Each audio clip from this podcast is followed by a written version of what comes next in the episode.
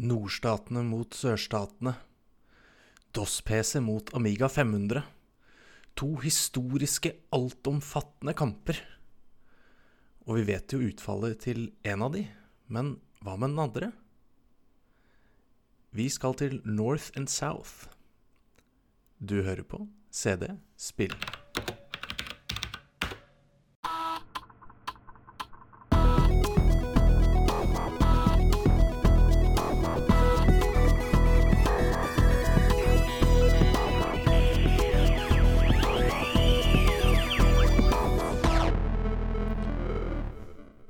Velkommen til eh, CD Spill, podkasten hvor eh, du går inn på det digitale roterommet og finner skatt etter skatt etter skatt av dataspill og datamaskiner fra den beste epoken for dataspill, nemlig 80- og 90-tallet.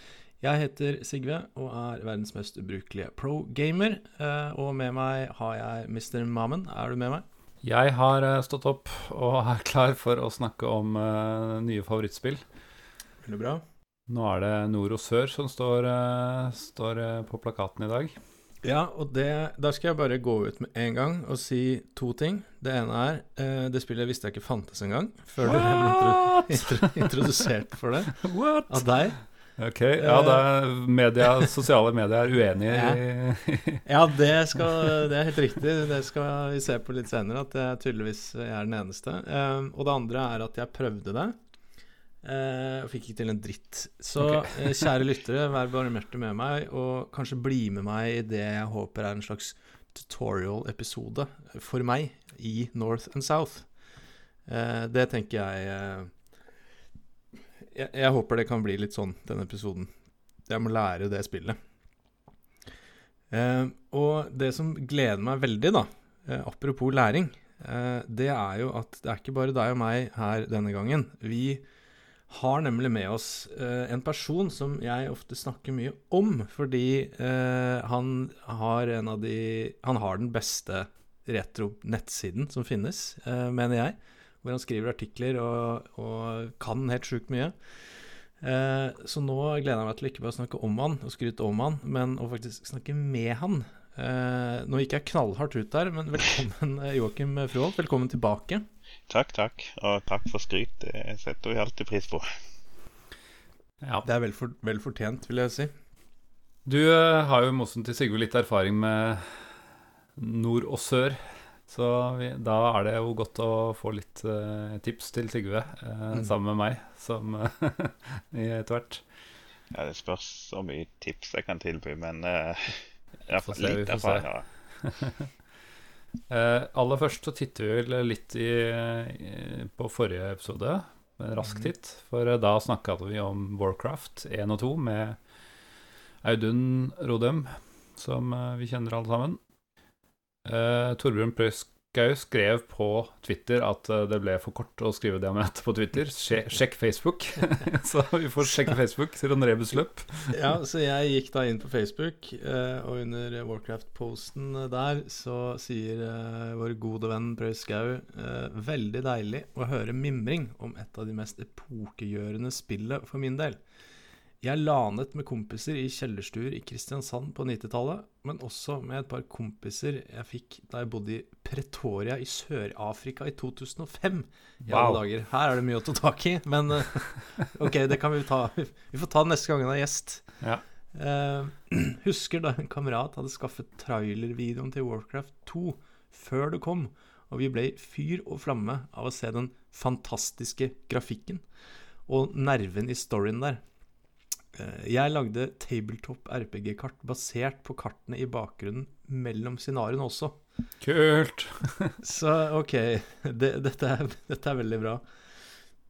En ting til. Da power metal-bandet Rhapsody eh, slapp i sin tid OK, det, det Her er det så mye å ta tak i. Eh, jeg vet ikke om noen av våre lyttere noen gang har hørt om power metal-bandet Rhapsody, men det har jeg, da.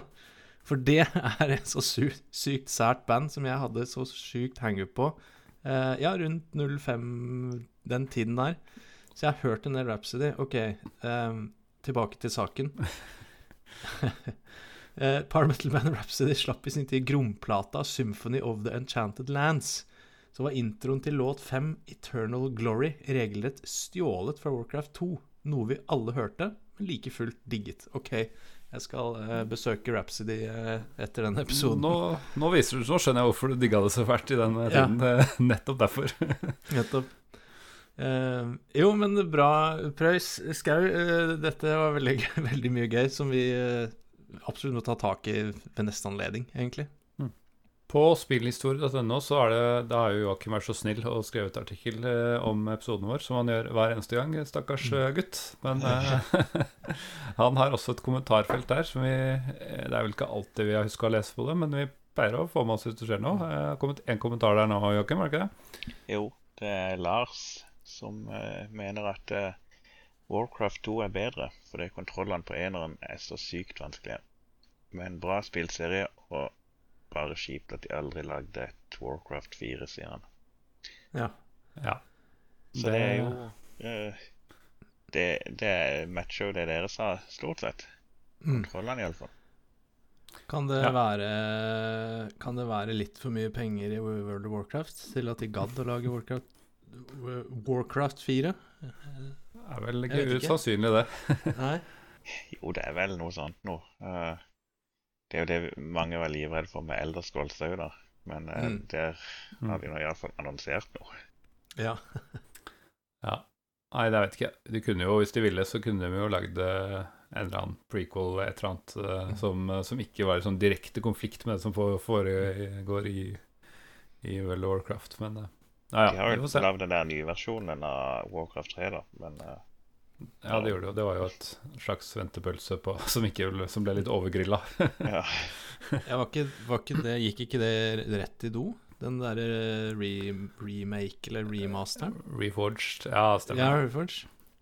Den eh, tror fikk ikke så gode skussmål. Jeg uh, opplevde jo selv en del av problemene med det.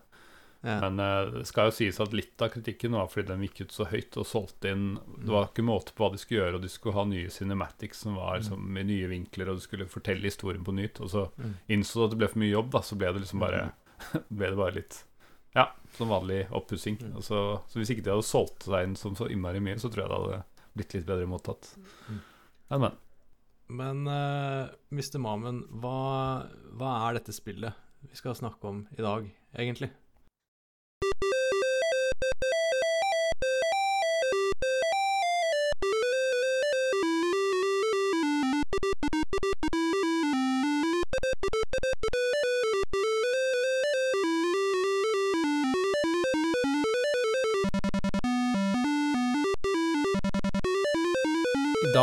Spole tilbake til 1989, hvor det først kom til Atari Amiga, etter jeg eh, leste. Eh, og så i 1990 så kom jo da den versjonen som jeg selvfølgelig har spilt, til DOS. Eh, skrevet, nei, utviklet og utgitt av Infograms. Eh, og det er jo en eh, Ja, North and South er jo en eh, Er jo hentydning selvfølgelig til den amerikanske borgerkrigen, nordstatene og sørstatene. Og det er, etter jeg skjønner, basert på uh, en belgisk tegneserie som heter uh, Blåjakkene. Som jeg visstnok har vært i salg i Norge òg, men den, ja, nå leste jeg veldig lite annen tegneserie enn Donald Duck og Mickey Mus, må jeg innrømme, da jeg var liten. Så det er mulig at det er derfor jeg ikke kjenner til det. Men uh, la oss begynne med, med kildematerialet. Er noen som har hørt om Blåjakkene? ja, altså, jeg hadde et album, eller en sånn bok.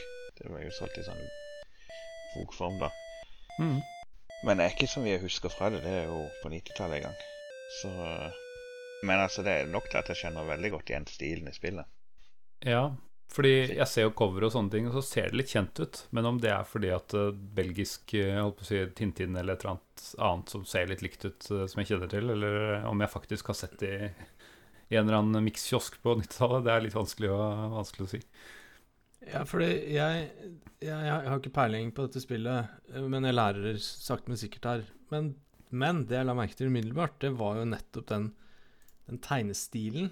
Eh, og jeg ser nå på blåjakkene. Eh, og så er jeg usikker på For dette er jo for de som har vokst opp med Sprint eh, og, og Viggo og, og det Og det tror jeg er et belgisk liksom, tegneserieunivers som har den tegnestilen her. Så vet jeg ikke om det er, er litt sånn ut til lytterne, egentlig, hvis noen husker Sprint, f.eks. Eh, den her gule, langhalede figuren. Eh, så er tegnestilen veldig lik. Så jeg vet ikke om det er samme tegner, eller om det er samme tegnestilen i Belgia på 90-tallet. Eh, så jeg bare kjente Det var veldig distinkt, da, den stilen. Så der trenger vi hjelp, hvis noen kan koble, gjøre en kobling for oss der. Ja, ja. Det var jo nok om bakgrunnen. Um, men selve spillet, uh, North and South, eller Nord og Sør, da, som jeg kalte det i back in the day, som er litt lettere å uttale uh, Det er jo altså et strategisk og taktisk uh, spill hvor du skal prøve å vinne krigen, selvfølgelig. Du kan velge mellom om du spiller nord- eller sørstatene, grå og blå jakker, da.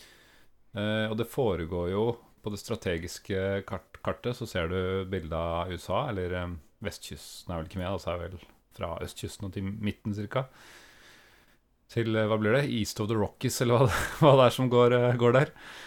Um, og du skal ta over stat for stat ved å flytte brikker, litt sånn som Risk, på et brettspillaktig ting. Um, og så er det noen viktige points of interest. Det er fra noen fort, som er um, Er det fire, fem stykker av dem på, på kartet? som det går jernbanelinje mellom, eh, som er meget strategisk viktig å ta over, fordi du får penger hvis du har for hver hele sånn jernbanestrekning du har, da, eller hvert fort du har, så kan du får du penger hver runde.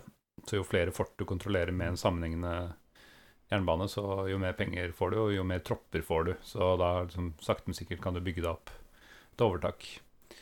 Eh, og så er det jo da kampdelen, som er Det er flere typer, da. Den Eh, kanskje mest åpenbare er liksom hær mot hær, som du da ser i Battlefield, hvor du kan styre kanoner, eh, eller artilleri og kavaleri og infanteri. Tre forskjellige typer enter som eh, man kontrollerer vekselvis for å liksom tabbe eller velge, velge hvem man skal, med hver sine egenskaper. Du kan gå litt tilbake til strategier og sånn der. Eh, og så har du et par andre um, varianter. Eh, du har å, ta over et um, ta over et fort som er et slags minigame hvor du skal eh, Altså, du skal hvis du, hvis du, er den som overtar, da, så må du prøve å komme med i mål før tiden løper fra deg, eh, med masse hindre og bomber og stray dogs og, og motstandere osv. Og, så og du har forsvarsmodus av den samme som, eh, som du skal hindre eh, motstanderne komme fram, ved å kaste kniver og banke opp og, og diverse. Um, og den siste liksom sånn spillelementet i det er å kapre et tog, som du kan få til hvis du, hvis du stiller deg mellom to fort da, eh, på jernbanelinja der, så har du én mulighet til å kapre dette toget. Eh, og det er også et minigame som ligner litt på det fortet, ved at du skal innen en tidsfrist går ut, uh, hoppe fram framerst i toget, da, så du kan kapre det. Og da får du de gullsekkene som egentlig var til motstanderen, for du, kan du overta. Det er på en måte de viktigste elementene i Nord og Sør, og så er det jo den som først utsletter alle de andre motspilleren sin her, her, herrer, da, som, eh, som går seirende ut. Mm. Så Joakim, hva Er det sånn du husker det? ja, ja, altså Det har jo noen andre sånn små elementer som du kan aktivere eller deaktivere basert på hva du vil. Sånn som ja. uh, indianere som visstnok saboterer. Jeg fikk ikke det til å skje når det at jeg prøvde å spille den, så jeg kan ikke helt uh, fortelle åssen det var. Men så er det noe sånn stormskyer som kan uh, ødelegge for deg. og så kan man få forsterkninger fra uh, Hvis man holder en viss stat langs kysten, så kan man få forsterkninger ved jevne mellomrom. Stemmer. Jeg har ikke den USA-geografien helt inne at jeg husker hvilken stat, men det er noe selvfølgelig inntil østkysten der som, eh, som uh, gir deg uh, forsterkning hver, jeg vet ikke, hver tredje-fjerde runde eller noe sånt. Hvis den som eier den staten. Mm. Men det er som du sier, at det kan skrus av og på. Når det gjelder de indianerne Du har indianere og meksikanere på en veldig sånn eh, stereotypisk eh, tegna stil som jeg er litt usikker på om hadde blitt godtatt i dag. det, tegneserien er jo fra 70-tallet, så får, de får uh... Ja, stammer nok derfra. Eh, nei, men Da sitter jo meksikaneren Han sitter og sover under en stein med en stor sånn sombrero-hatt. Og så våkner han opp en gang iblant på vilkårlige tidspunkter uh, og kaster en sånn svær bombe på deg. Uh, på de som er i Texas. Det er kun Texas han angriper. så det er litt farlig å oppholde seg der. Og da kan du miste hele eller deler av hæren din. Og tilsvarende er indianerne har de andre statene som grenser til ja, Jeg tror det er Rocky Mountains, da, i hvert fall den fjellkjeden der. Og den kan også på vilkårlig tidspunkt uh, kaste en uh, Hva er det her? Sånn freds... Nei, ikke fredspipe, sånn derre hatch... Hva heter det? Sånn Tomahawk. Tomahawk, ja. ja. Mm. Stemmer.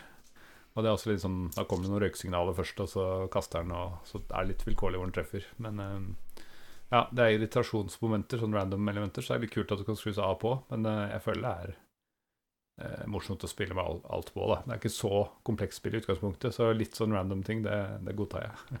Jeg, må, jeg må jo si det at uh, mitt, mitt førsteinntrykk av dette spillet, det var i, i påsken, hvor jeg lasta ned Jeg var vel på GOG, ja. Jeg fikk en uh, kode av deg. Uh, så starta originalspillet. Mm.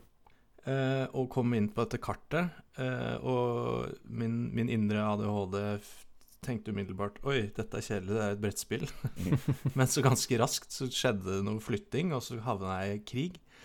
Og tapte sånn sånn instantly bare tapte den der krigen ute på Så det, det var liksom det jeg trodde var spillet. Men eh, nå lærer jeg jo ting hele tiden med disse random eventsene med indianere og meksikanere. Disse forskjellige typer At du Ja, når du løper oppe på disse byggene, og de her tog Løper på tå, rane tå ja, Altså, det er jo faktisk det, jeg, jeg snur. Jeg syns det virker litt fett, jeg. Det er masse gøye ting som skjer her. Du har gjort litt, litt research og ikke har sett en Let's Play av de tingene noen gang, så det er litt minuspoeng. ja, jeg har jo absolutt gjort for lite research, for jeg tenkte jeg skulle være æreskjær og spille det, men det var ikke noe lurt, for da, da tapte jeg jo bare umiddelbart. Ja. Skal slutte å sende deg de der kodene. ja, jeg tror du må gjøre det. Eh, men eh, nei, jeg, jeg, vet ikke om jeg får det til noe mer, men jeg, jeg har mer sansen for det. Det har jeg. Mm. Jeg, jeg så det i litt sånn kommentarfelt og sånn rundt omkring, at folk liker eh, Folk liker ikke de der tog togranegreiene, tror jeg det var. Mm. For det var visst vanskelig. Jeg syns det er vanskelig bare de der krigene, Ja. Til og med. Men er det, er, det, er det noe teknikk? Er det noe strategi? Altså hvordan, hvordan vinner man disse slagene, da, for å bruke det korrekte begrepet? Kanskje Ja. Joakim skal prøve seg på noen, eh, noen gode tips. Eh, Hva, hva var gøy for deg? Ja, altså det, det var jo de der slagene som var gøy. Eh, Toget og basene, det syns jeg Det ble for tilfeldig, egentlig. Det, går, det scroller så ufattelig raskt. Så det går liksom ikke an å forberede seg på hva som kommer uh, inn på skjermen. Mm. Uh, Iallfall på Amiga. Det er jo den versjonen jeg har spilt. Ja. Uh, og så, så det blir så tilfeldig om du plutselig så kommer du på ei bombe, så kommer du på en blindvei, og så kommer fienden og Men eh, da og, og så når du skal forsvare det, det er jo egentlig ganske kult at du kan på en måte sabotere for angriperen i forsvarsmodus. da. Du må også sende ut sånne soldater som eh, du, jeg vet, du har kanskje ni stykker av de, eller? Er Ja, jeg tror du har en visst sånn 8-10, et eller annet sånn visst antall, Ja. sånn at det skal være litt balansert. Og når de er brukt opp, så har du ikke flere muligheter. Men også angriperen har bare visst antall kniver, så etter det må du liksom bruke Kjempe med, eller unngå dem, eller et eller annet. Ja. Ja. Men eh, når jeg gjorde det, så ble det liksom bare sånn button-spamming på en måte for å Mm, få gjort noe. Fordi at eh, hvis ikke så var de bare løp forbi. enig. Nei, så, så de der minispillene der, de ser ganske kule ut på Amiga iallfall. Også, men eh, de, de var ikke så gøy å spille. Men eh, selve slagene, de er litt artige. Ja, Kan ikke du fortelle litt om de eh, Du har jo tre våpen. Jeg nevnte jo så vidt. Du har jo artilleri og kavaleri og infanteri. Husker du litt hvordan de, de funka? Og hva som var eh, lurt, eller hva, hva strategien din var? Ja, uh, altså det, det som er så Du kan kun styre én av de av ganger. Mm. Altså datamaskinen Ja. kan styre alle tre av ganger Mm. av sine. Ja. Så det er jo en fantastisk ulempe. Heldigvis går det jo an å spille toplayer, da. Så, så da blir det litt mer rettferdig. Men eh, ja, du har eh, Skal begynne med infanteri, så er det seks soldater eller noe sånt i en gruppe. Så du kan, de kan bevege seg i alle retninger. Mm. De kan kun skyte i én retning, altså mot, uh, mot datamaskinens uh, side. da. Mm. Stille seg opp sånn i klassisk eh, amerikansk borgerkrig-stil. Eh, men de er, de er iallfall ganske manøvrerbare, selv om de er veldig trege. Så har du kavaleriet, som er tre stykker i utgangspunktet. Og de, eh, Det som er så dumt med de, det er at når du først sender en av de, eller sender de i gang, så stopper de ikke før de kommer helt til andre sida av skjermen. Hvis de kommer så langt, da. Mm. De bruker sverd, så de må, da må du liksom bare prøve å sikte på et eller annet, og så spemme skyteknappen når det er at du eh, er på, på de du prøver å drepe, da. Mm. du, du kan de, de løper liksom bare mot fienden ustanselig, men kan du bevege de Ja, du kan Kan bevege du de. svinge, liksom? Du ja. kan svinge, og du kan, du kan Ja. så eh, De stopper jo i hindringer og sånt, og du kan vel holde de igjen òg. Ja. Ja. Så det Eh, er ikke men, som å eh, sende av gårde en torpedo, liksom. Nei, du nei. kan styre de litt. Ja. Men Du eh, får ikke er rygga. Nei, du får ikke rygga. Skjønner. er, det veldig ofte på brettene så er det veldig ofte elver eller uh, raviner, som, uh, Mm. så du må nesten ha styre de Litt unna de. forsiktig da, ja. Ja, de, de dør jo som regel før de kommer over.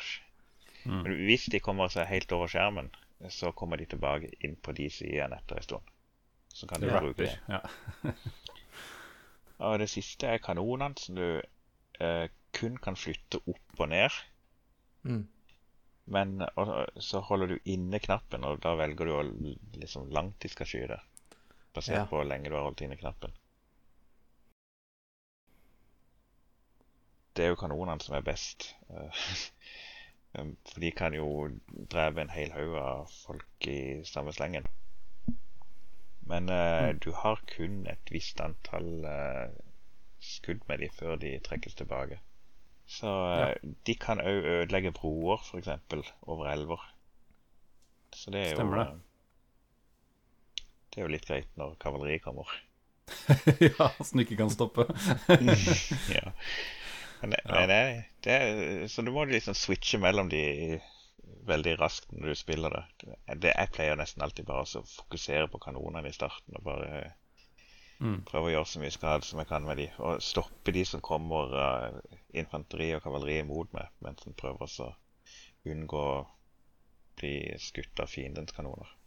Ja, for det høres, dette høres ut som en sånn multitasking-situasjon som jeg ikke mestrer veldig godt, med at du har liksom tre forskjellige typer enheter som må styres litt på forskjellig måte, og så skjer det jo faktisk real time, Mm. mens fienden driver og skyter kanonkuler på deg og marsjer med infanteri og Jeg merker det koker bare i hodet, bare tanken på Ja, som sagt, jeg døde jo instantly da jeg prøvde, prøvde originalspillet.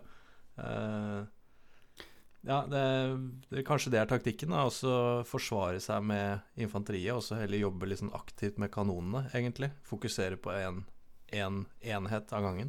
Ja, det er det som er litt uh, sånn uvant hvis du kommer fra et moderne spill, er at det, det er ingen som gjør noen ting på egen hånd. Nei. Så hvis ikke du har kontroll over infanteriet når fiendens kavaleri kommer på de, Mm. så, står, så skyter de ikke, de bare står der og blir slakta. Nettopp. Så det er veldig kaotisk, men eh, det er gøy òg. Mm. Altså, som sagt, det er jo eh, hvis du spiller med en annen en, et annet menneske, da, Mm. Ja. så, så har jo denne personen samme samme dilemma. Hva skal han styre? Mm. Og dette spillet er jo så gammelt at du spiller vel gjerne på samme tastatur også, så det blir, eh, Stemmer. Ja, det blir jo det. Eller blir spisse skuldre og ja, på Amiga så var det jo joystick, da. Eh, Ja. Ja, nei, men er, den delen er jo ikke turn-based, ja. Men eh, det, ellers er det jo litt sånn som Worms, da, at du må velge deg en, en worm av gangen, eller altså et, en våpengren av gangen, og, og styre den. Mm. Um, og de har definitivt hver sine eh, styrker og svakheter. Jeg altså sleit veldig når jeg prøvde første gang, men jeg lærte meg teknikken i hvert fall mot AI igjen, da, etter, etter litt spilling. Og ja, det greieste er jo, som sier, å bruke kanonene, for de treffer jo overalt. Mm. Og du ser jo hvis motstanderen skyter, så du kan få, få, kan få tid til å flytte unna din egen kanon, f.eks., eller hva det skal være. Men uh, trikset med de infanteri Eller altså, Kanonen er ganske sjanseløs hvis du kommer noe som nærmer seg den. For den er jo åpenbar Den er ikke noe short range på den. på en måte Det, da, det går som regel dårlig. Men uh, infanteristene, som sagt, så, som Joakim sier, så skyter de kun rett framover. Eller rett mot. Mm. Uh, så hvis du har kavaleri, så er det liksom de må flanke. De, må, de blir skutt ned Hvis du går rett på, så blir du skutt ned mm. med en gang mot infanteri. da uh, Mens hvis du siden de er raske, så kan de liksom Det er triks å prøve å få dem til å komme ovenifra eller nedenifra. da mm. Og på de helt åpne kartene, som ikke er noen Det er noen som bare er sånn grass hills, så, så er det jo fritt fram. Men på de kartene som det er noe hindring, sånn som en ravine eller en elv, så er du litt tvunget til å gå over på noen veldig få utvalgte steder. Så da er det litt lettere å forhindre kavaleri i å dukke opp der hvor, der hvor det ikke trengs, på en måte.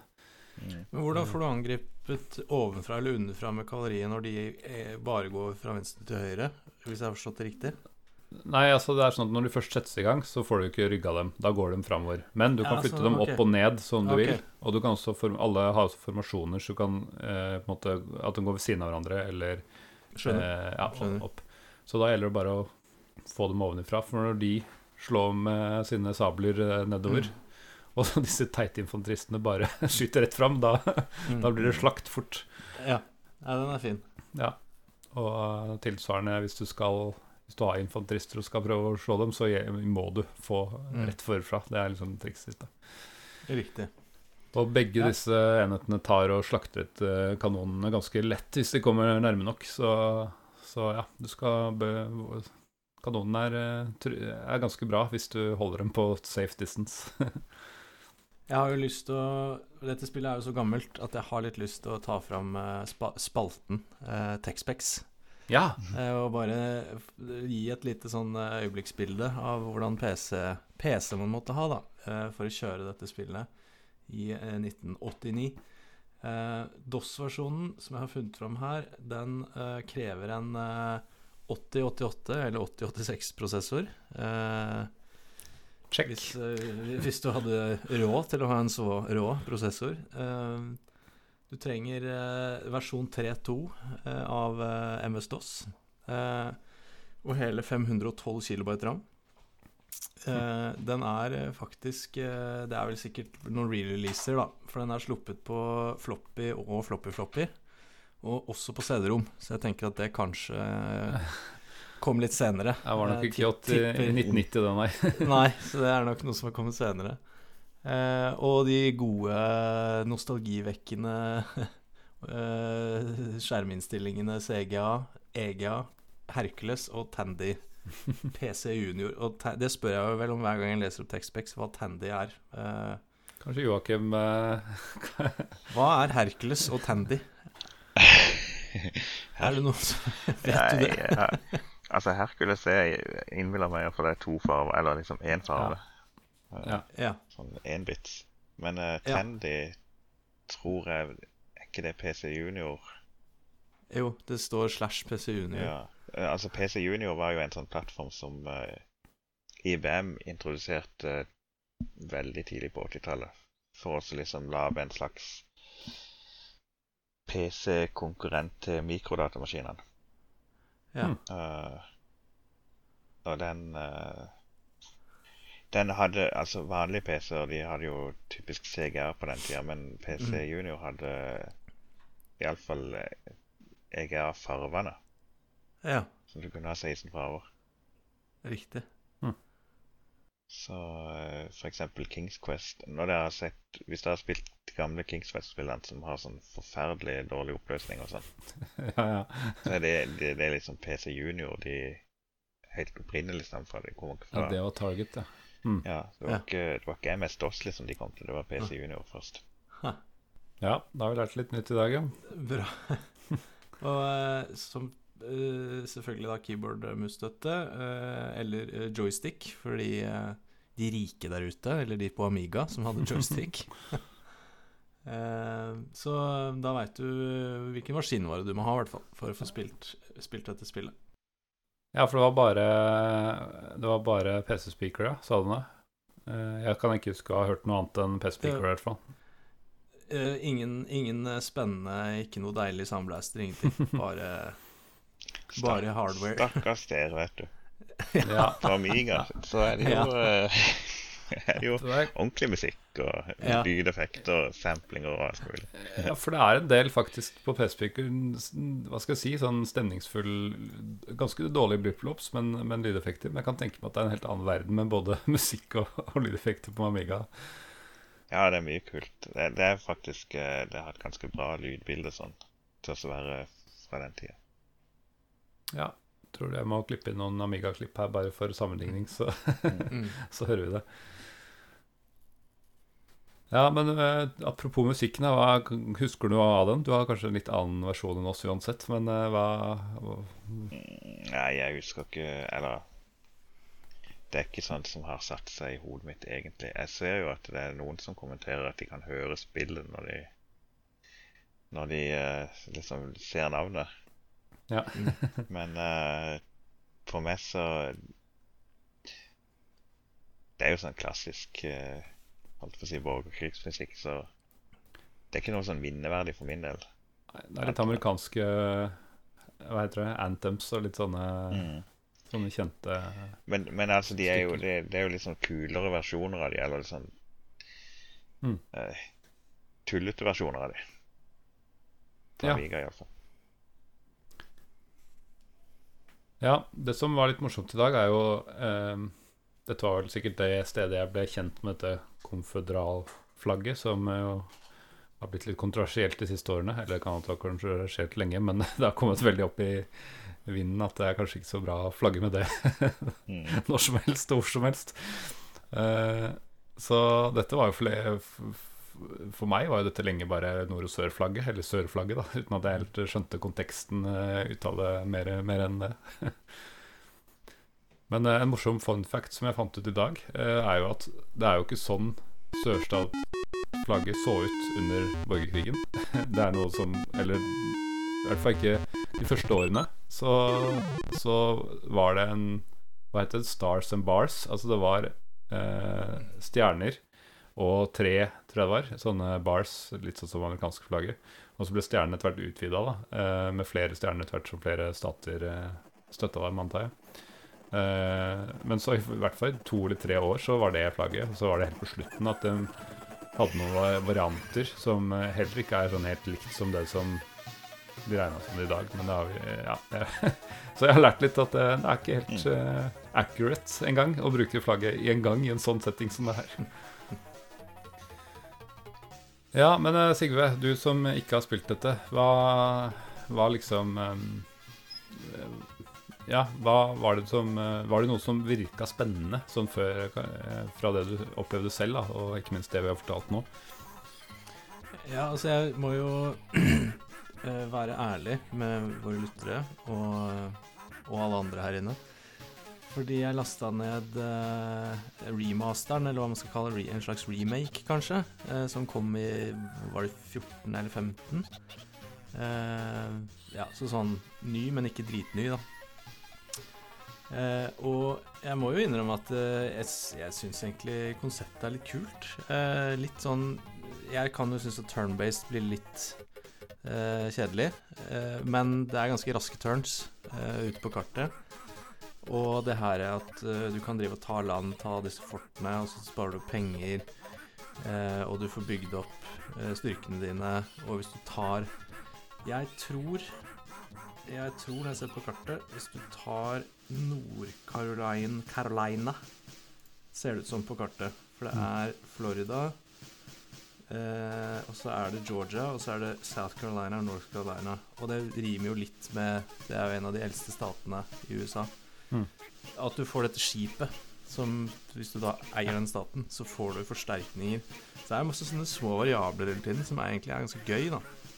Og så syns jeg også at eh, historie generelt og denne borgerkrig og amerikansk historie er litt sånn spennende.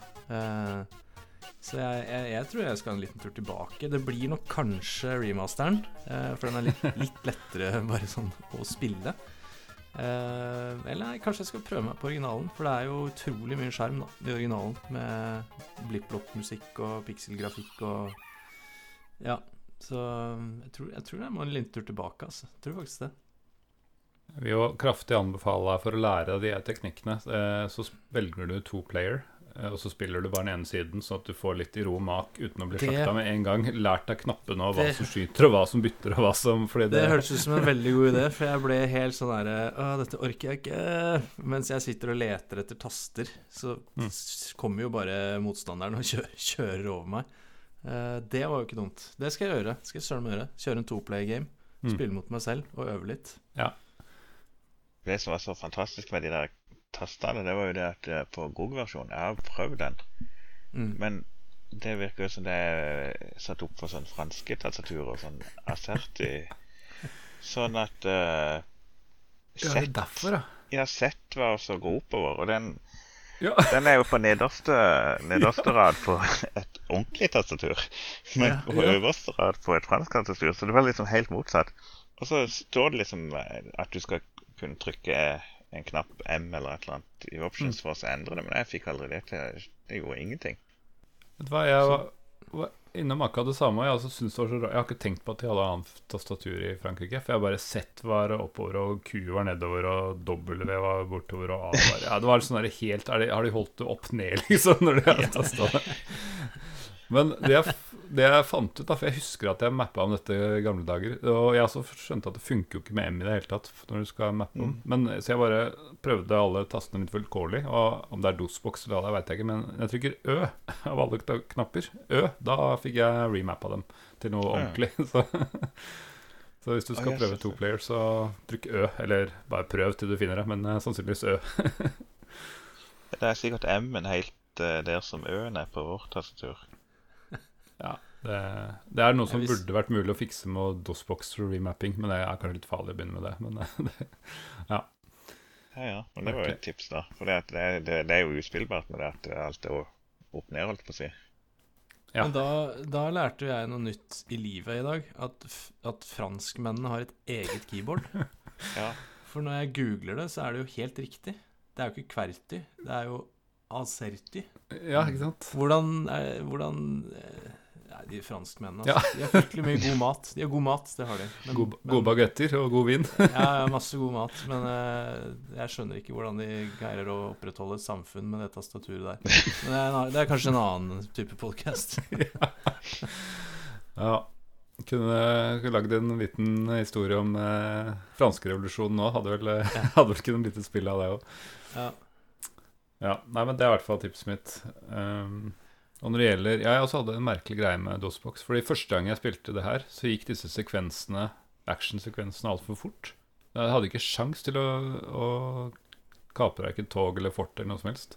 Mm. Og så begynte jeg å klage litt høylytt og hytte, hytte litt med neven og sånn som man eh, gjør. Blir litt irritert på, på internett og sånn.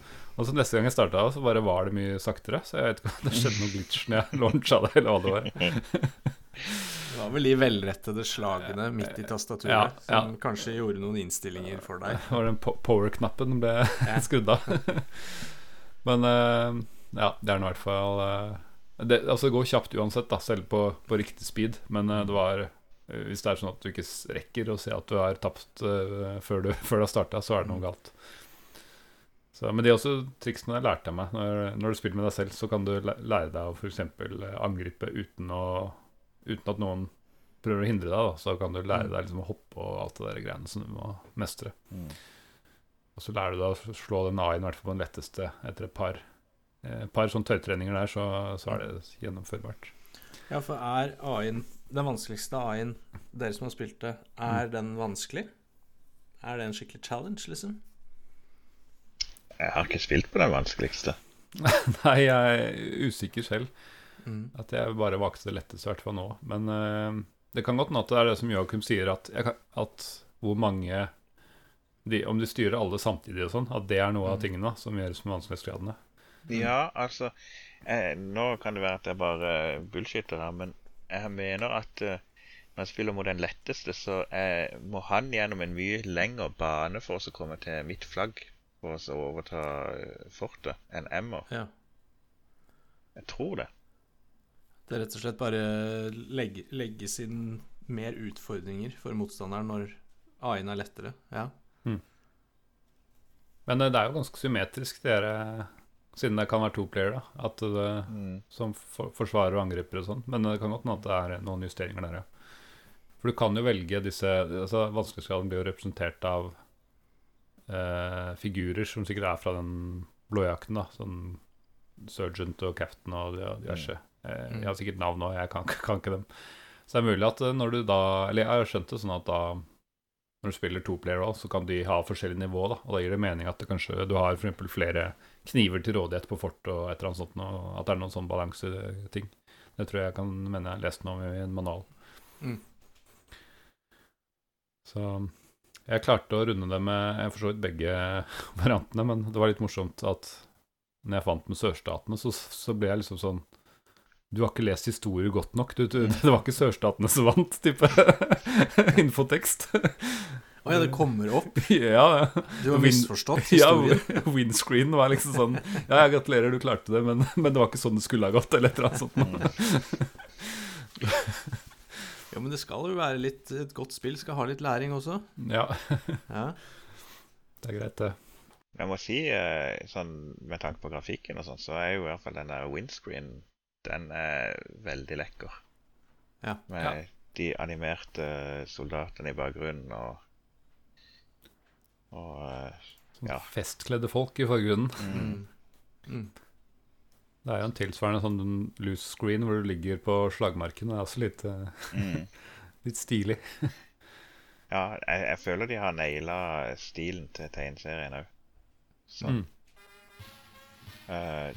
Jeg har sett på skjermbildene at eh, den EGA-grafikken den er litt enklere enn den andre, fins i andre versjoner, så du har nok fått en litt lekrere versjon på Amigaen din, eh, Joakim. ja, altså Det som er det, det stammer jo fra Atari ST, så da er det 16 farger der òg. Å ja. Men eh, de kunne på Amiga så kunne de vel hatt eh, 32 farger, hadde vel vært realistisk å få til med et sånt spill. Iallfall. Mm. Men, eh, men altså, de, det var bare 16. Men altså, det som er den store forskjellen, er jo at på Amiga så har du 4096 farger å velge mellom. Amiga 500. Så Akkurat. ikke sant, det er ikke den der eh, låste paletten, og da ser du at hvert bilde uh, har spesielt ja, Altså alle fargene er liksom valgt ut med tanke på motivet, så det Mm. så der ser man en veldig sånn klar forskjell på Amiga og PC sånn sett at eh, du, du er ikke stuck med EGA-paletten er jo nydelig, sånn eh, nostalgisk sett, men, eh, men du ser jo samtidig at at eh, det, det kan se litt bedre ut hvis det er at man får velge fargene sjøl. Mm. Jeg tok en liten titt på YouTube nå og så Jeg har sett på en DOS-versjon, Let's Play. Titta jeg på en Amiga 500 Let's Play. Det er markant forskjell i, i fargeutvalget. ja. Det er, eh, det er nesten et annet spill. Eh, Så der eh, Der vant Amigaen i gamle dager, i hvert fall. Ja, det er jo den tida Amigaen hadde en edge, så Mm. røyk jo det utover 90-tallet. Ja. Ja, det skjedde litt ja, Vi har vel innom det ofte når vi snakker om 80-tallsspill, eh, at vi er klar over at det finnes andre versjoner som eh, var bedre på sine Som hadde noen styrker som PC-en mangla. Men, eh, nei, men kanskje vi skal nevne litt mer om disse remakene som du så vidt var innom, eh, Sigve. Mm. For dette, det er litt morsomt hvordan eh, Dette kom jo da i 89-90, som vi nevnte. Og så kom det i 2012 Så kom det to spill eh, ganske samtidig, til, i hvert fall til eh, mobiltelefoner, eh, som het Det ene het North and South The Game. Og det andre het The Blue Coats North versus South. Um, og de, de var jo utvikla uavhengig av hverandre, så jeg vet ikke om det var noen rettigheter som hadde utløpt. Og de hadde gjort litt endringer på, på spillmekanikkene, spesielt i minispillene. Um, men, og de kom også til PC, og en av dem også til noen andre konsoller året etter, eller noe sånt. Eh, og så, i 2020, så kom enda et spill som heter Blue Coats eh, North and South. Og jeg tror igjen det er noe rettighetsgreier, fordi de to tidligere versjonene er borte, både fra AppStore og GoGo og Steam og alt mulig rart. Eh, men det igjen eh, er enda mer oppdatert og har gjort om disse minigamene helt til eh, Det er sånn FPS-spill, når du skal ta et fort og forsvare tog og sånn. Så det, de har på en måte Og det er greit, fordi de var jo de svakeste delene. Eh, men så det er ganske mye Hvis du har spilt noen av de andre variantene, så har du et ganske annen opplevelse av disse minispillene, da, som kanskje har tatt essensen med at du skal gjøre noe for å, for å lykkes eller forsvare deg eller angripe, men, eh, men har gjort det på en helt ny måte. Er det noen av dere som har prøvd noen av de tre nye? Ja, for jeg, nå prøver jeg jo Jeg ser i GOG-biblioteket mitt her nå, skal vi se Jeg spilte originalen, og så spilte jeg The Blue Coats, ja. North and South. South. Det var det jeg prøvde. Det, du sa det var utvikla i 2020? Ja. Det kan stemme, ja. Jeg huska ikke helt. Eh, så det har jeg prøvd, og det syns jeg var underholdende. Ja, det var sluppet i november 2020. Ja. Det var underholdende. Det, det syns jeg det var litt gøy. Og så har de jo ivaretatt den tegne, denne tegneseriestilen, da. Så det er veldig distinkt. Distinkt og gjenkjennbart. Men det er jo, det er jo Det er et enkelt, litt sånn brettspill-type Mm. spill. Eh, så ja, det er litt mer eh, smoothere å spille 2020-varianten, men det er jo egentlig Dette hører hjemme i 1989, og med nostalgi og den stemninga der. Det gjør egentlig det, altså. Det blir ikke samme sjarmen med den eh, moderne versjonen. Nei, jeg syns de har gjort en god jobb med å gjøre det, modernisere et gammelt spill. Um, og jeg eh, prøvde å teste både gammelt og nytt på sønnen min, som jeg gjør innimellom, og det noe, han var jo åpenbart prefererte den, den nye versjonen, men, eh, men eh, jeg vet ikke om jeg skal eh, si noe negativt om ny versjon heller. Det, de har gjort det på en morsom måte, så Mm. Men jeg vil jo alltid holde en knapp på, på hvert fall teste originalen, eller se, se hvor det kom fra. Og, og det er såpass likt at eh, hvis du klarer å finne Ø på tastaturet, og, Mm. eller eventuelt skaffe deg et fransk tastatur, så, så må det til. Eh, Hva med deg, Joakim? Har du spilt dette siden 90-tallet? Eller 89, eller et eller annet? Uh, egentlig ikke så veldig mye, iallfall. Nei. Men uh, jeg har ikke spilt noen av de nye versjonene. Men apropos det dere snakker om rettigheter, så har de iallfall skifta utgiver. Mm. For i dag er det et selskap som heter Microids, eller Microids, eller de er jo franske, de òg, da, Ja. som, eh, som har rettighetene.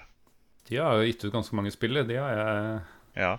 Siberia og masse eventyrspill sånn. Ja, jeg mener jeg husker at jeg har hatt dem på og spilt et og annet av dem. Mm.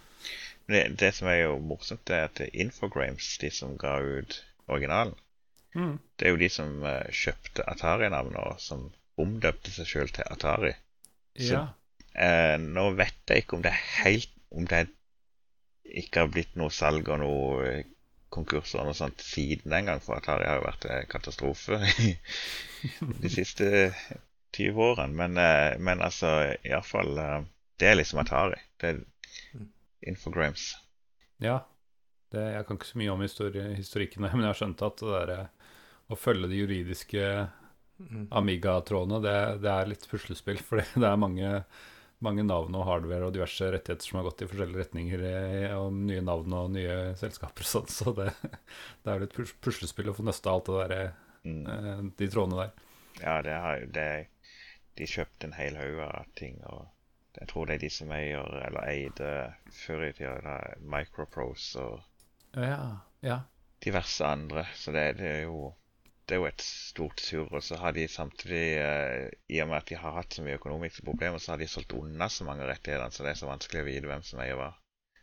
De må jo tydeligvis ha solgt unna rettighetene til dette òg, siden det er ja. Microid som har den nå.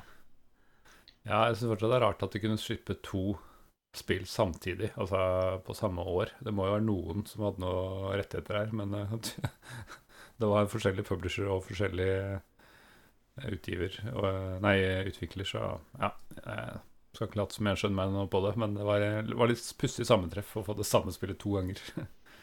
Ja, men eh, så er det jo det med liksom, Om det er en type spill som funker i dag, så Jeg syns jo det. Det, det var ganske vanlig sånn rundt 1990 og sånn med, med strategispill som hadde action i seg. Mm. Du har jo Ports of Call, det der eh, skipsfartsspillet, som veldig mange har Har dere hatt noen episode på det? Nei? Har ikke det, gitt. Det, det er jo en sånn Det må de jo. Ja, det er notert. Så er det sånn som Defender of the Crown og til og med Battle Chess. Det var jo sjakk bare med ja, De hadde vel ikke Det var Archen. Arkon. Der hadde de sjakk, men hvor brikkene faktisk slåss fysisk. Du, sånn en, en bondeekvivalent kunne liksom ta kverke fiendens dronning hvis du var skikkelig god. Så uh, Battle Chess var jo egentlig bare animasjon av det. da, så. Mm. Uh, men det, det, det, var ikke helt uvanlig, og det er jo en litt sånn kul greie for folk som ikke er akkurat inne i strategispill, og så får sjansen til å hevde seg litt i action-sekvensen ja. istedenfor. Selv om i dag så Det virker jo litt rart hvis Total War skulle vært sånn istedenfor Eh, sanntidsstrategi, så ble det sånn beat them up når det er to her møtes. Mm. det blir en Tekken-spill plutselig når du møter motstanderen. Ja, det har vært litt gøy, det òg, da. Ja, hvorfor ikke? Men eh, ja, sånn, litt mer sånn lettbeinte strategispill. Det, jeg husker jo vi spilte det veldig mye som et sånt uh, Jeg hadde en kamerat som var oppe hos meg På sommeren så var han gjerne oppe hos meg i strekk. liksom, og spilte vi veldig mye sånn tyngre strategispill sånn uh, Settlers og Civilization og sånn. Vi spilte det samarbeidet. Og, og da spilte vi gjerne disse spillene i uh, ganske mange timer. Og så var det veldig greit å starte f.eks. Northern North South og ta en, uh, en halvtime med det, liksom. Og, ja, Få seg en liten pause da, ja, fra, fra, alvoret. Renske Renske hodet litt med borgerkrig. Så ja, det er det å ha sånn strategispill som ikke nødvendigvis krever hele kvelden eller uh, et par uker, for den saks skyld, det, det setter jeg pris på. Mm. Jeg støtter den der lettbeintheten. Det, det, er jo ganske kjapt å ta, selv om du tar hele Ja, kan jo komme kanskje an på hvor jevne man er, men eh, det er relativt kjapt, føler jeg, å spille en hel, hel runde med, med full, fullt spill ja, når du spiller med dataen, så iallfall på den letteste, og, og ja. sånn, så, så, går det nesten litt for raskt. Fordi at uh, du får liksom ikke begynt ordentlig. Enten så vinner du, eller så taper du. Det går så raskt. Ja, det er noe med hvis du klarer det strategiske og sikre deg fortene og sånn, så går det gjerne i ene retning eller den andre ganske fort, ja. Mm. ja spesielt hvis, en, hvis, du spiller med den der havna og får uh, forsterkninger, så er det da, da ryker du veldig raskt hvis du ikke er den som har havna. Du kan uh, også velge startår, og et av startårene er liksom hvordan uh, stillingene ligger an. Da. Så da går det an å velge en som starter under. Um, og jeg gjorde det og sleit egentlig ganske mye i starten, for jeg var uh, pressa litt opp i et hjørne. Men så klarte jeg liksom å slå hull på den og begynne å få inn litt styrker igjen. Og da, da liksom retta det seg ut, og så ble det seier etter hvert. Men ja, nå spilte jeg mot lett motstandere, det skal, skal sies. Men ja, har det holdt seg? Det var vel egentlig det. Hva, hva, hva vil du si om det, Joakim? Jo, det, det, det, som er så dumt, det er at jeg har ikke fått testa det samme med noen nå nylig. Og det, det, er jo egentlig sånn toplayerspill jeg husker da, som jeg satte pris på det i gamle dager. Og når jeg spiller det mot dataen, så ja uh, Men, det, det er noe ved seg som er gøy ennå. Og jeg syns slagene når du kommer inn i det, er ganske artige. Mm. Altså, grafikken, den syns jeg jo uh, har holdt seg veldig godt. Nå snakker jeg jo igjen om Amiga-grafikken, men det, det, det, ser så egentlig så trofast ut mot tegneserien, og mm. det, det, er en sånn kul stil. Så den, eh, den, eh, den syns jeg har holdt seg veldig godt. Så ja, alt i alt Jeg, jeg vil ikke ha anbefalt noen å kjøpe Google-versjonen, egentlig. Men uh, nå, nå, nå, visste jeg jo ikke dette med at du kan trykke Ø for å få kontroller som går an å spille med, så, så kanskje jeg skal trekke den tilbake. Ellers må du spille det andre laget. Det var triks to. da å spille, Jeg husker ikke om det er sør eller nord som har, som har piltaster, så er det litt lettere. Ah, ja, ja det, det tenkte jeg ikke på engang. Det slo meg jo aldri å spille sørstaten, vet du. For det Nei, kan se. Det er jo det som er morsomt med dataspill. Da kan man jo vinne med nazistene. Ja. Man kan gjøre disse crazy tingene. Nei, eh, hvis jeg skal prøve å svare på det, så må jeg si at eh, det var litt tungt å komme i gang. Men eh, jeg fikk gleden av eh, med dette Jeg oppdaga, gjenoppdaga denne gleden med grafikken og, og liksom å lære seg det derre spesielt kavaleriet som er vanskelig å styre fordi de bare løper fram, men å skjønne hvordan de skal brukes for å bare unngå infanterister og sånn. Så jeg syns det var morsomt. Og jeg lærte meg litt å Jeg tvang meg selv på en del sånne fort, fort fights og, og train fights fordi jeg hadde lyst til å opp, gjenoppleve den delen av spillet. Og så syns jeg det er det svakeste, men uh, jeg klarte å synes det ble litt morsomt likevel. Sånn, men jeg ser at i lengden så blir det veldig veldig ensformig, den, den delen. Men uh, til syvende og sist så tror jeg jeg sier ja, ja. At det, det har holdt seg, rett og slett.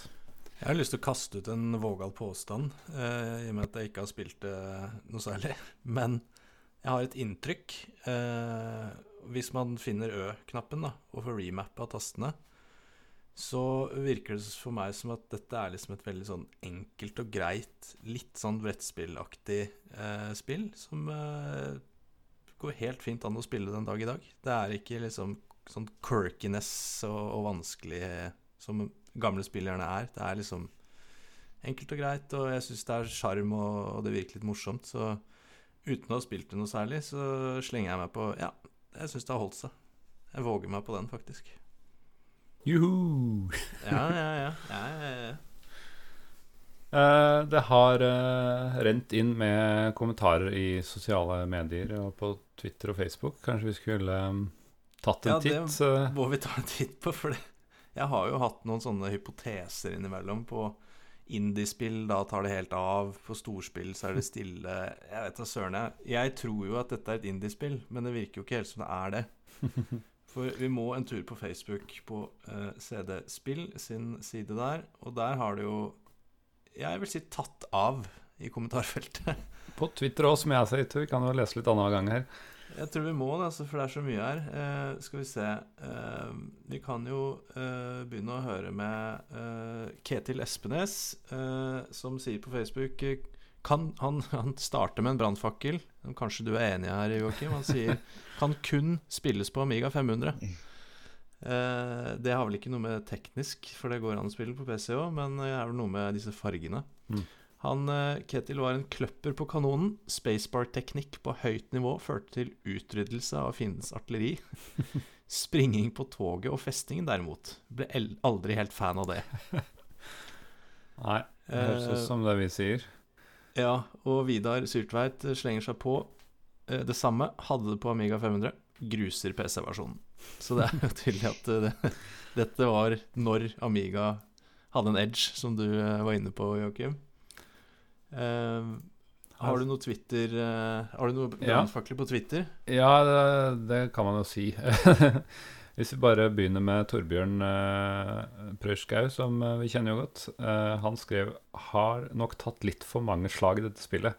Tror ikke jeg skjønte all mekanikken da jeg spilte det for rundt 30 år siden, men syns det var moro å splatte med kanoner og løpe på tog. Ja, litt forskjellig finnes dog et mye bedre spill å splette i. Og så står det en rebus og bilde av en måne og så en uh, stein. Så jeg vet ikke hva, hva, han kan sikte til der. Moonrock, er det noe som heter det? Nei, jeg har aldri hørt om. Nei, det Tilbake på Facebook så sier Asbjørn Bakke eh, Nord og sør, for en klassiker. Et spill alle likte. Hva, altså, hva er det jeg har gått glipp av her? ja, det lurer jeg på. Alle har spilt det, og alle digger det, og jeg har ikke hørt om det engang. Uh, ok. Eh, det sitter ennå i fingrene hvor lenge man må lade kanonen. Men det var problematisk med de der pengetransportene og festingene. Det gikk jo dritraskt. Mm. Og få spill har vel gjort det morsommere å velge vanskelighetsgrad. Eh, og så har han en lite, liten shout-out her til eh, Warcraft-episoden. Herlig Warcraft-episode, forresten. We're being attacked! Håper noen mimrer like bra om dagens spill om 20 år. Eh, takk, Asbjørn. Det er koselig å høre. Eh, vi holder koken, vi, om 20 år. Da skal vi snakke om eh, Candy Crush eh, og sånn. ja. ja, det er spennende å se. avslutter han med apropos eh, Command Conquer General, som dere var inne på. Det må være tidenes RT-spill Det må være tidenes RTS-spill med Zero Hour-utvidelsen. GOAT, som kidsa sier. Vi skal ikke starte denne kontroversen nå, men jeg er helt enig med Asbjørn Bakke, så det kan vi plukke opp ved en senere anledning. Eh, det kan vi gjøre. Ja, Den traff vel deg rett i hjertet, Sigurd? Det gjorde den. Eh, det gjorde den. Det kan ha noe Generals kan ha noe å gjøre med at det er litt dårlig research til denne episoden i dag. Men, men vi, vi, det kan vi ta, ta en annen gang. Eh, retrospilling.no eh, slash Frank Eivind Rundholt skriver eh, som så mange andre spilte det mye på Amiga. Morsomt og underholdende spill. Jeg likte humoren. Eh, og det er sant, det er en del humor med disse figurene og sånn, så F.eks. når du åpner eh, pengeskapet med toget, så detter jo en eller annen ut eh, ned på bakken. Så det er litt sånn komiske øyeblikk innimellom. Ja, så kan du jo trykke på, trykke på bakenden til han der fotografen som starter i spillet, så hopper han til på tittelskjermen. Å ja. Gjør han det? Ja, det hadde jeg glemt. Så det er, det er humor allerede i tittel, title screen, liksom? Ja. Det, Stemmer det. Det Kult. er herlig. Eh, Kjetil Hartvigsen eh, sier nok en godbit av et spill jeg spilte sammen med lillesøsteren min. Jeg husker best slagene der en var på hver sin side av en bro. Mye morsom kanonskyting. Gleder meg til denne episoden, siden jeg ikke husker dette spillet så godt. Jeg er klar, men jeg er klar med nostalgibrillene. Det er veldig hyggelig, Kjetil. Jeg tror jeg vinner i antall kommentarer her, så jeg tar kanskje to av gangen. Ja. For eh, videre så sier Tom eh, Roger Skauen dette spillet, sammen med Defender of the Crown, får ut det verste i meg. Alt kan virke til å gå på skinner, så er det én jævla ting som utlyser en kjedereaksjon som får hele lasset til å velte. Disketter har flydd veggimellom. kan Jeg har ikke fått den reaksjonen på dette spillet, men eh, jeg kjenner kan kjenne meg veldig godt igjen i den, i den reaksjonen. Eh, Det kan jeg. Ja. Nå har eh, Gøran Solbakken, som vi jo vi har hatt her også, smelt seg på. Hyggelig. Favorittspillet til en kompis og meg i mange år, det her. Husker fortsatt lydeffekter fra spillet. ja, det Jeg kjente igjen mange av det, mange sjæl, så jeg kjenner deg igjen. Eh, Anders Berge sier eh, Husker jeg som 11-åring var hos en kompis som hadde fått ja, Igjen Amiga 500. jeg tror du vinner denne episoden, Joakim, hvis, det er noe- det er noe som heter det. Å vinne episoden. Jo, jeg vinner. Ja, Han hadde fått Amiga 500 av foreldrene til jul. Inkludert i en enorm spillkatalog lå dette spillet. Jeg hadde allerede sans for fransk-belgiske tegneserier på den tiden. Her har vi det, vet du. Jeg var, eh, ikke sant? Asterix, Tintin, Sprint, Viggo med flere. Mm. Og da jeg så introbildet på dette spillet, var jeg umiddelbart fan, fordi det minnet sånn om stilen og streken i disse tegneseriene. Likte godt dimensjonen med Risk-aktig kart og påfølgende slagscener. Spillmekanikk reflekterte jeg ikke så mye over på den tiden. Da var det kun innhold som fengslet meg. I dag kan jeg i retrospekt derimot være mer kritisk til noe av dette. Gode minner fra dette spillet. Og hvem her Hvem kan glemme fotografen som ler i startskjermen? Der har vi den. Der har vi den. Joakim har ikke glemt den. Eh, Det hadde jeg. ja. Uh, Neverfjord, Lasse, eh, skriver et fantastisk spill. Jeg brukte mye tid på denne da jeg var ung og lovende. Det er litt kortere de kommentarene på Twitter, så det, det går litt unna. Ja. Eh, Erik Rye Hytten Også han hadde det først på Amiga 500, men slet med å få til alt på småspillene. Spesielt løping på toget. Tok det fram på PC noen år senere, og da gikk alt så mye bedre. Vi tar det som en win til oss, gjør vi ikke det? Oss Jo, jo, jo. Yes, endelig. Det er 25-1 eller noe sånt. Ja, jeg tror det. Enkelt spill, egentlig, så lenge en skjønner det. Basert på en tegneserie som på norsk het Blåjakkene. Er helt riktig. Og eh, Robert Fortun Damli har det originalt i boks og manual til ja, Du kan gjette om han har det til PC eller til Amiga 500. Til Amiga 500. Måtte ut med 800 kroner på eBay for noen år siden. Elsker spillet. Og så har han en screenshot eller et bilde av eh, Ja, det, det, det, det, liker vi. Det er sånne skikkelige samlere. Det syns jeg er gøy. Som faktisk kjøper det på eBay i boks. Det, det er kult. Enig. Sinfor skriver eh, Det har gått noen timer av dette på Amiga 500 sammen med broderen. ja. det er jo litt spesielt da at det er ingen som har nevnt Atari ST. Nei, som var originalen, eller det var kanskje Mm. samtidig. Mm. Eller det var iallfall hovedplattforma. hovedplattformer.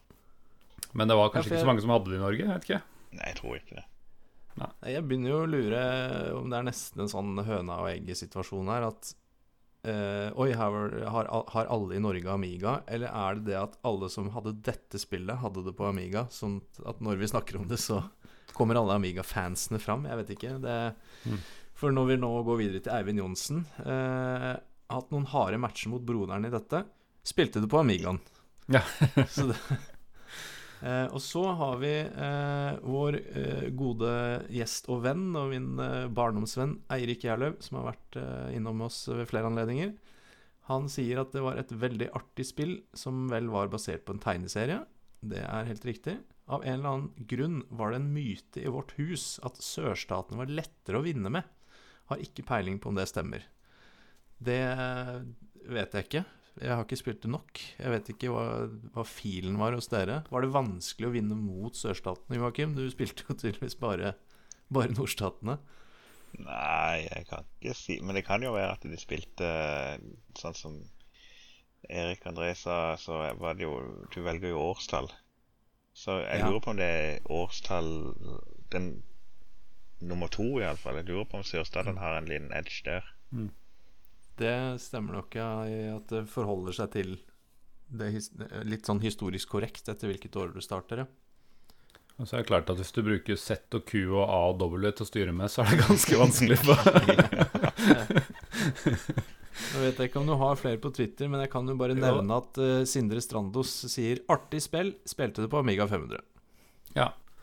Jeg har en haug til her. Eh, Benjamin Sears eh, han kommenterer titt og ofte. Han skriver nå Husker noen tog som gikk frem og tilbake, og noe gull som ble lagt, inn, lagt i et hvelv. En fyr som løp på et tog eller i en by. Men det jeg husker aller best, er at det var klin umulig å vite hvilke knapper som gjorde hva på keyboardet. En, en gjenganger i min tidligere spillkarriere. Ja, det virker det kjent. kan jeg kjenne meg igjen. Ja. Trond Eos eh, Skauge uh, har uh, ikke mindre enn to nyutgaver av dette på Steam.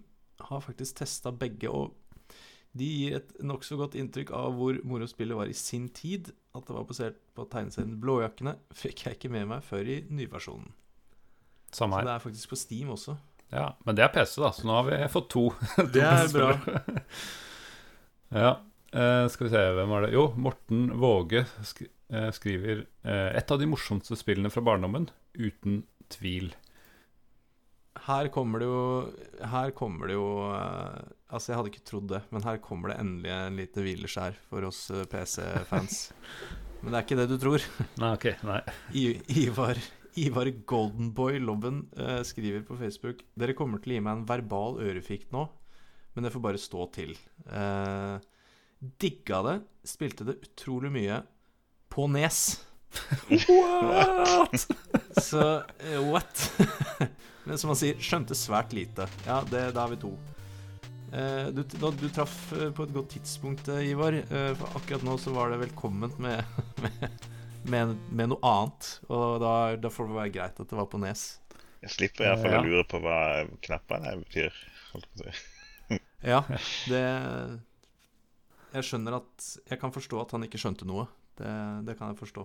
Jeg kan jo også nevne at det kom på Amstrad eh, CPC. Eh, Atari selvfølgelig, Commodore 64, MSX, jeg vet ikke hva er engang. Eh, Nes og ZX, ZX Spektrum. Så det kom på flere plattformer.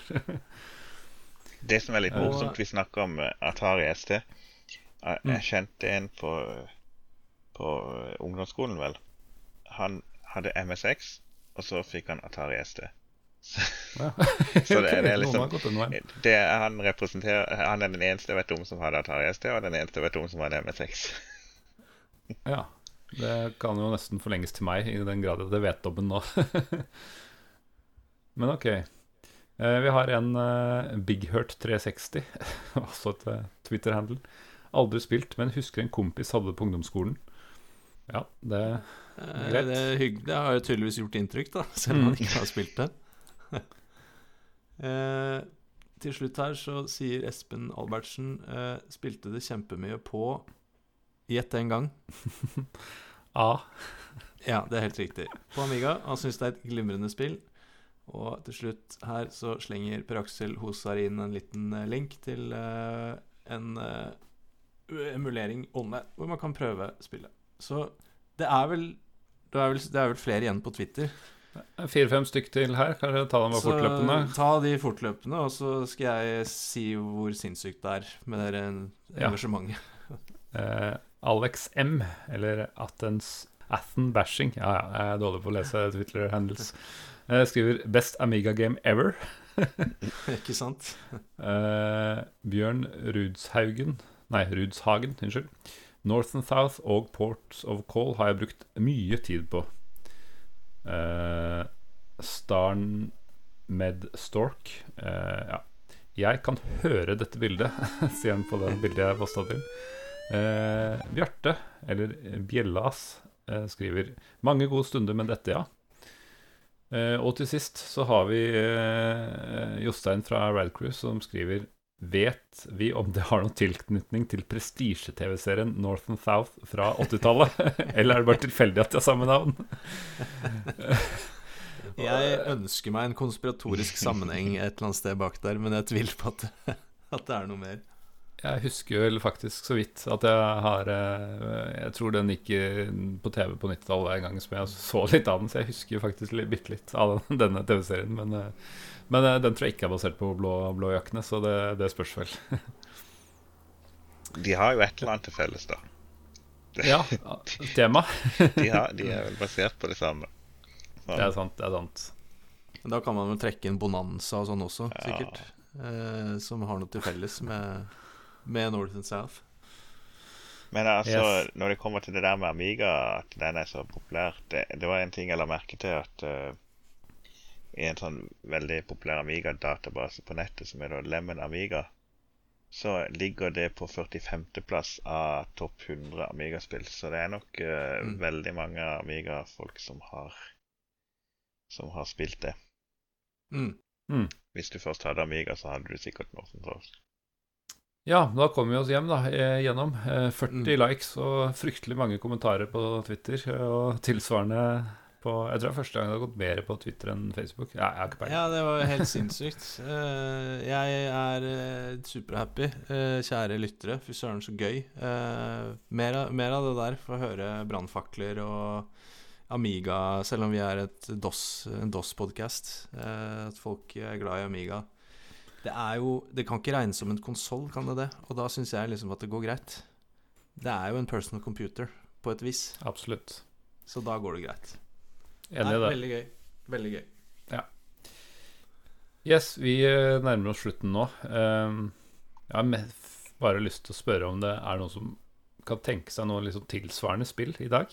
Som er noen som har noen, liksom, Catcher essensen i, i dette? En sånn, jeg vet ikke hva det skulle vært. Brettspill, action, eh, blanding Borgerkrigsspill. Et eller annet som man føler er litt av det samme. Ja, ingenting. Nei, altså Det skulle jeg jo ha tenkt på, for jeg vet jo Jeg har jo hørt såpass mange episoder at jeg vet at det alltid er noe du spør om. Men, ja. men der ble jeg tatt litt på senga. Men det er vel litt som, som du var inne på, Joakim, at det, det var jo eh, denne her, hva skal jeg si, strategispill med sånne action-elementer underveis. Det var jo et fenomen en liten periode, og så er det jo ikke på samme måte et veldig fenomen lenger, Nei. den typen. Eh, så det er vel kanskje ikke så rart at vi sliter litt med å komme på om det finnes noe tilsvarende utover de åpenbare disse remakesene og sånn, da, selvfølgelig. Men, eh, Mm. eh, men det er jo tydelig at dette spillet engasjerer, så kan vi ikke bare kaste den ut til våre lyttere? Eh, for det er jo et gøy spill. Eh, så de der ute som vet om noe nyere, som er litt sånn samme leia, det vil vi høre om. For det hadde vært gøy å, å sjekke ut, rett og slett. Og hvis Joakim kom på noe, så står det sikkert i denne tilhørende spillhistorie.no-artikkelen, så det, Det- det er bare å lese Det den. gjør det. Garantert. Ok, eh, nå har jeg snakka om spill jeg hadde varme minner fra. Eh, nå er det din tur, Sigve. Hva, hva skal vi ta neste gang? Neste gang så skal vi til eh, et spill som passer litt mer min eh, hjerne. Eh, litt mindre turn-based, litt mer action. Vi skal til det veldig sjarmerende motorsykkelracerspillet Road Rash. Wow. og for de som ikke kjenner til det, så er det et motorsykkelspill. Og så er det et par ekstra verktøy i verktøykassen for å vinne. Det kan jeg, såpass kan jeg røpe. Spennende, spennende. Ja, men Dette gleder jeg meg til å finne ut mer om. Mm. Ok, da blir det om to uker. Og så må vi bare si tusen takk til eh, Joakim at du Mm. tok, eh, tok deg turen til, eh, til studioet vårt på Ja. Discord og kunne briljere litt med Amiga-innsikt, som vi definitivt manglet. Ja, takk for at jeg fikk være med. Det er alltid gøy. Veldig hyggelig å ha deg her. Veldig, veldig hyggelig. All right. Da gjenstår det å si ha det bra. Ha det bra.